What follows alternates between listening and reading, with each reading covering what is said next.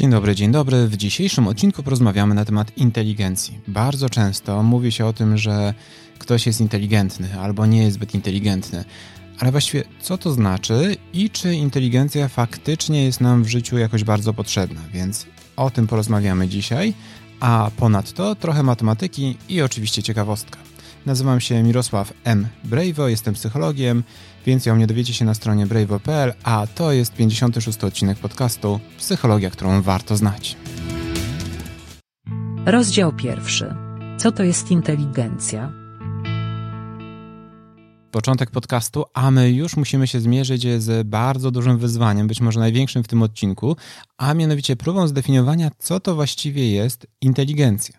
Bo na przestrzeni lat powstało bardzo dużo definicji. Część oczywiście ma wspólne elementy, natomiast nie zawsze tak jest i czasem te definicje podejmują nieco inne aspekty. Dlatego musimy sobie pozwolić tutaj na drobne uproszczenie, żeby cały podcast nie był analizowaniem definicji. I myślę, że możemy sobie przyjąć, że inteligencja jest to z jednej strony umiejętność uczenia się, przyswajania informacji, ale z drugiej strony bardzo ważna rzecz wykorzystywania tej posiadanej wiedzy, umiejętności do tego, żeby e, wyciągać wnioski, analizować sytuacje oraz, co nie mniej ważne, dostosowywać się do różnych zmian, które się pojawiają. Pewnie kiedy rozmawiamy o inteligencji, dość szybko przychodzą Wam do głowy takie dwie literki IQ, czyli skrót od e, angielskiego określenia iloraz inteligencji, który jest, no właśnie, pewną miarą tego, jak inteligentna jest dana osoba. Tylko co właściwie oznaczają te literki? Na przestrzeni lat e, sposób pomiaru się nieco zmienił i w gruncie rzeczy nawet dzisiaj jedno IQ drugiemu niekoniecznie musi być równe, bo to zależy od testu. Pierwotnie iloraz inteligencji obliczano w ten sposób, że określano wiek umysłowy e, danej osoby, przede wszystkim dotyczyło to dzieci, dzielono to na wiek życia danej osoby i mnożono razy 100. Czyli dla przykładu powiedzmy, że mamy 6-letnie dziecko, które funkcjonuje na poziomie 3 latka, tak? Czyli 3 dzielimy na 6, mnożymy razy 100, no i wychodzi nam iloraz inteligencji 50. W momencie, kiedy e, sześciolatek funkcjonowałby tak, jak sześciolatek powinien funkcjonować, no to mamy 6 podzielić na 6, 1 razy 100 daje nam 100, czyli iloraz inteligencji wynoszący 100 to jest iloraz adekwatny do wieku danej osoby. Gdyby na przykład ten nasz wspomniany e, sześciolatek funkcjonował powiedzmy jak e, dwunastolatek, no to mielibyśmy 12 podzielić na 6 razy 100, czyli wyszłoby nam 200, tak? Czyli powiedzielibyśmy, że jeżeli sześciolatek funkcjonuje jak e, dwunastolatek, no to mamy kogoś z ilorazem inteligencji wynoszącym 200. To było dość e, wygodna miara, natomiast jak pewnie jesteście w stanie to dość szybko zauważyć, słabo to się sprawdza w przypadku osób dorosłych. No bo jednak tam ten rozwój inteligencji już nie jest taki proporcjonalny. Co więcej, w pewnym momencie e, w niektórych obszarach pojawiają się spadki, więc założenie, że jeżeli 60-latek funkcjonuje e, jak 30-latek e, pod względem umysłowym, to znaczy, że ma iloraz inteligencji wynoszący 50, no byłoby zdecydowanie e, dużym niedopatrzeniem.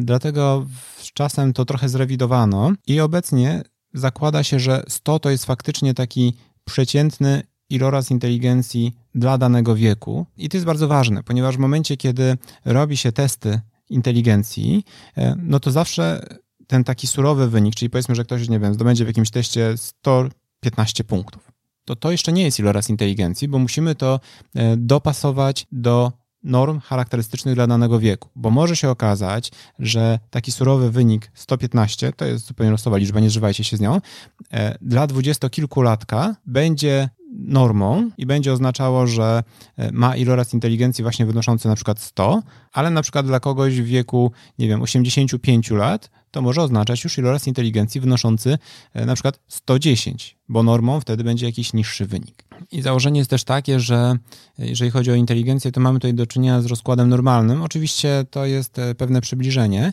które zakłada, że właśnie najwięcej osób mieści się w granicach tych 100 punktów plus minus jedno odchylenie standardowe. E, to jedno odchylenie standardowe w zależności od testów to jest 15-16 punktów. Co w praktyce oznacza, żeby tu nie komplikować już bardziej, że około 70% osób mieści się w zakresie ilorazu inteligencji od 85 do mniej więcej 115. A później im wyższy wynik albo im niższy, tym mniej osób taki wynik ma. O bardzo wysokiej inteligencji mówimy powyżej 146-149 punktów. W przypadku wyników poniżej 70 punktów mówimy o niepełnosprawności intelektualnej, oczywiście w różnym stopniu. Bo tutaj też warto zauważyć, że takie dzisiaj bardzo pejoratywne określenia jak debil, idiota czy imbecyl dawniej były właśnie określeniem osób, o określonym poziomie niepełnosprawności intelektualnej.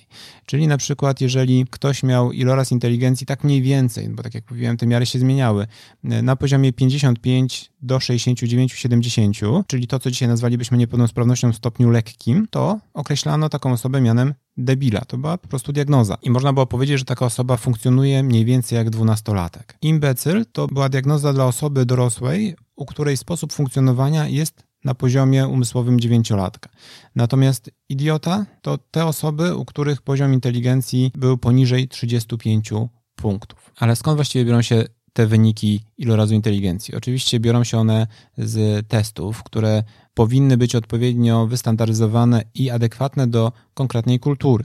To znaczy, że czasem, kiedy pojawiają się tam na przykład pytania o wiedzę ogólną, no to pytanie, które może być całkowicie zrozumiałe i na przykład proste dla jednej kultury, dla innej już nie musi.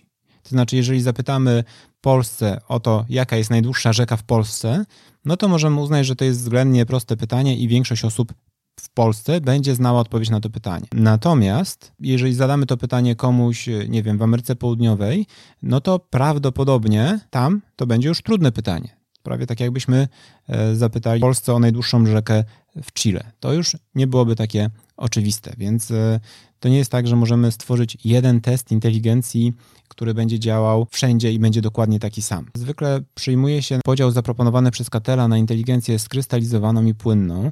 Inteligencja płynna w swoim założeniu to jest e, to, co jest uwarunkowane fizjologicznie, biologicznie i w dużej mierze obejmuje czynniki genetyczne, natomiast e, inteligencja skrystalizowana to jest ten obszar inteligencji, który powstaje pod wpływem kultury, edukacji, naszych różnych doświadczeń. I na przykład, jeżeli mielibyśmy do czynienia z takim w miarę najpopularniejszym testem inteligencji, czyli e, skalą Wexlera, e, to jeżeli chodzi o tą inteligencję płynną, to testy, które e, starają się mierzyć, dotyczą na przykład układania różnych klocków, czy robienia działań arytmetycznych.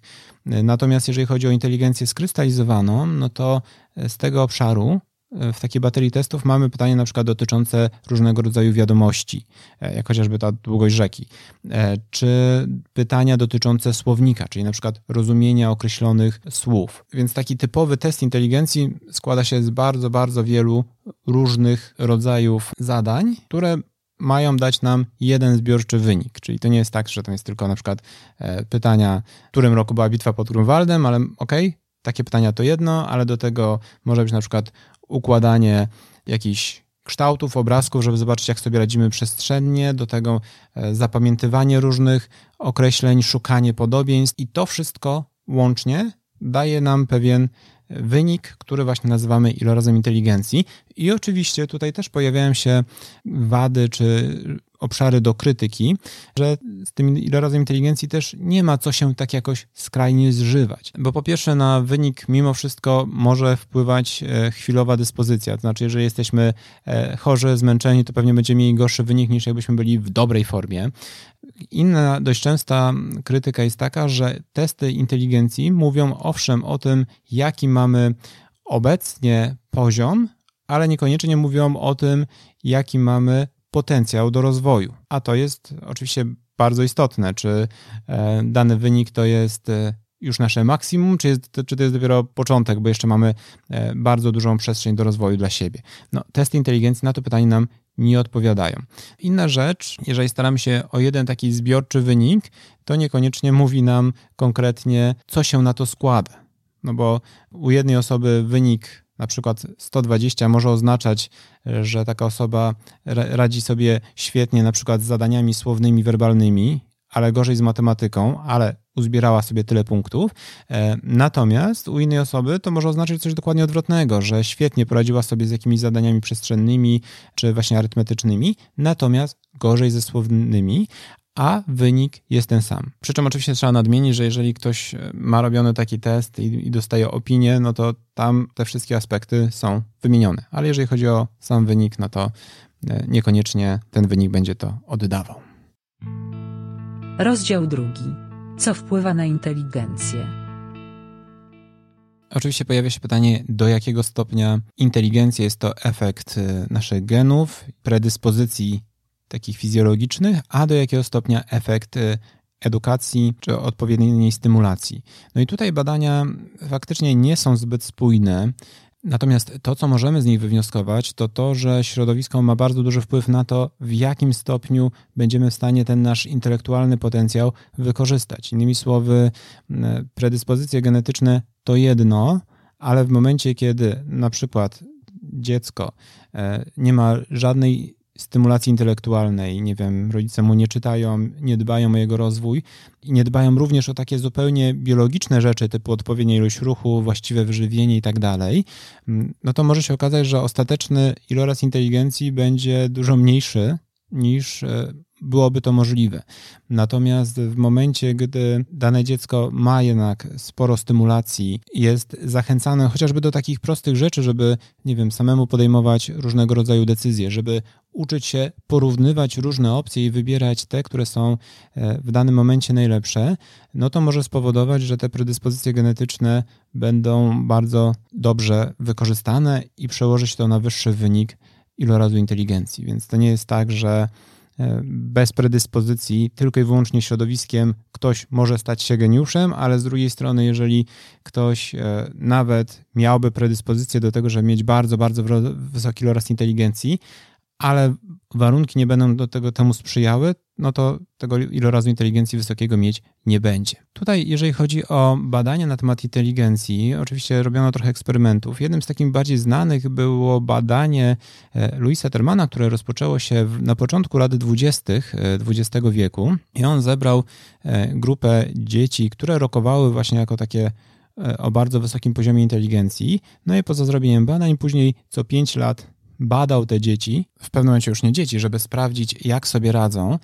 Zresztą badanie nawet po śmierci Louisa Termana w 1956 roku i tak cały czas e, było kontynuowane w założeniu tak długo, dopóki ci uczestnicy jeszcze żyją. No i efekt e, tych badań był taki, że wbrew czasem obiegowym opiniom osoby o wysokiej inteligencji e, potrafią budować dobre relacje społeczne i są, potrafią być e, w dobrej formie takiej fizycznej. Natomiast niekoniecznie nie znaleziono jakiś wielki związek pomiędzy wysoką inteligencją a ogromnymi sukcesami w życiu. To znaczy, to już z kolei inne badania sugerują, że oczywiście jest związek pomiędzy tym, jak ludzie sobie radzą, jeżeli mają wyższy poziom inteligencji, E, natomiast e, w tej grupie badanych były zarówno osoby, które faktycznie osiągnęły bardzo, bardzo dużo, e, jak i osoby, które zajmowały dość proste stanowiska, powiedzmy niezbyt prestiżowe, niezbyt wysokopłatne. Dla porządku należy dodać, że to badanie oczywiście zmierzyło się też z pewną krytyką, która dotyczyła chociażby tego, że sam Terman trochę wpływał na wyniki tego badania, między innymi pomagał na przykład części osób dostać etat na Uniwersytecie Stanforda, co w założeniu no, dość mocno podnosiło poziom prestiżu prestiżu i sukcesu e, i kontaktował się ogólnie z tymi osobami badanymi, motywował je do tego, żeby podejmować jakieś aktywności, więc, więc to wsparcie też mogło niejako zaburzyć wynik. Jeżeli chodzi o inne badania dotyczące tego, jak ludzie z wysoką inteligencją sobie radzą, no to było na przykład badanie, które przeprowadzono wśród członków e, organizacji, jaką jest Mensa, czyli takiej, która zrzesza osoby o bardzo wysokim poziomie inteligencji. No i ono pokazało, że e, wśród tych osób jest y, ponadprzeciętnie wysoki poziom zaburzeń lękowych, zaburzeń nastroju. Natomiast zwróćmy uwagę, że to była tylko korelacja, tak? Więc to nie, nie oznacza, że inteligencja musi powodować częstszą depresję, bo z kolei inne badania pokazywały, że mimo wszystko osoby z wyższym poziomem inteligencji, niekoniecznie z taką skrajnie wysoką, ale taką powyżej 120 punktów, e, miały wyższy poziom szczęścia niż osoby poniżej 100 punktów co jednak w dużej mierze było spowodowane tym, że takie osoby lepiej sobie radziły pod względem chociażby zawodowym, zarabiały więcej, no a to miało dość istotny wpływ na poziom szczęścia, ale też te osoby cieszyły się większym zdrowiem. Natomiast e, mimo wszystko należy stwierdzić, że o ile inteligencja pomaga odnieść sukces, to nie można powiedzieć, że inteligencja wysoka ten sukces gwarantuje. No bo jednak e, znów badania sugerują, że tych czynników jest oczywiście o wiele, wiele więcej. I tutaj poza samym poziomem inteligencji w grę chodzi chociażby zespół naszych cech osobowości, czy to jak umiemy budować relacje z ludźmi, czy to e, na ile potrafimy się motywować, albo po prostu taki czynnik jak e, to, ile mamy szczęścia i na ile zdarza nam się być w odpowiednim czasie, w odpowiednim miejscu. Dlatego poziom inteligencji, tak nawet z definicji, który mówiliśmy w rozdziale pierwszym, pomaga w tym, żeby sobie dobrze radzić w życiu i co za tym idzie, wykorzystywać szanse do tego, żeby zrobić więcej pieniędzy, natomiast w żadnym razie tego nie gwarantuje. Pewnie zastanawiacie się, jak zwiększyć poziom inteligencji. O tym za chwilę, ale najpierw ciekawostka, która pokazuje, że nie zawsze trzeba się jakoś bardzo napracować, żeby wyglądać na inteligentniejszą osobę. Ciekawostka. Opublikowane w 2014 roku badanie pokazało, że używanie inicjału drugiego imienia powoduje, że osoby postrzegają nas jako kogoś, kto ma wyższy status, a nasze prace w formie akurat w tym przypadku pisemnej będą oceniane wyżej. Czyli dla przykładu podcast nagrywany przez Mirosława M. Brejwo będzie wyżej oceniany niż podcast nagrywany po prostu przez Mirosława Brejwo. Wow, ale ciekawostka.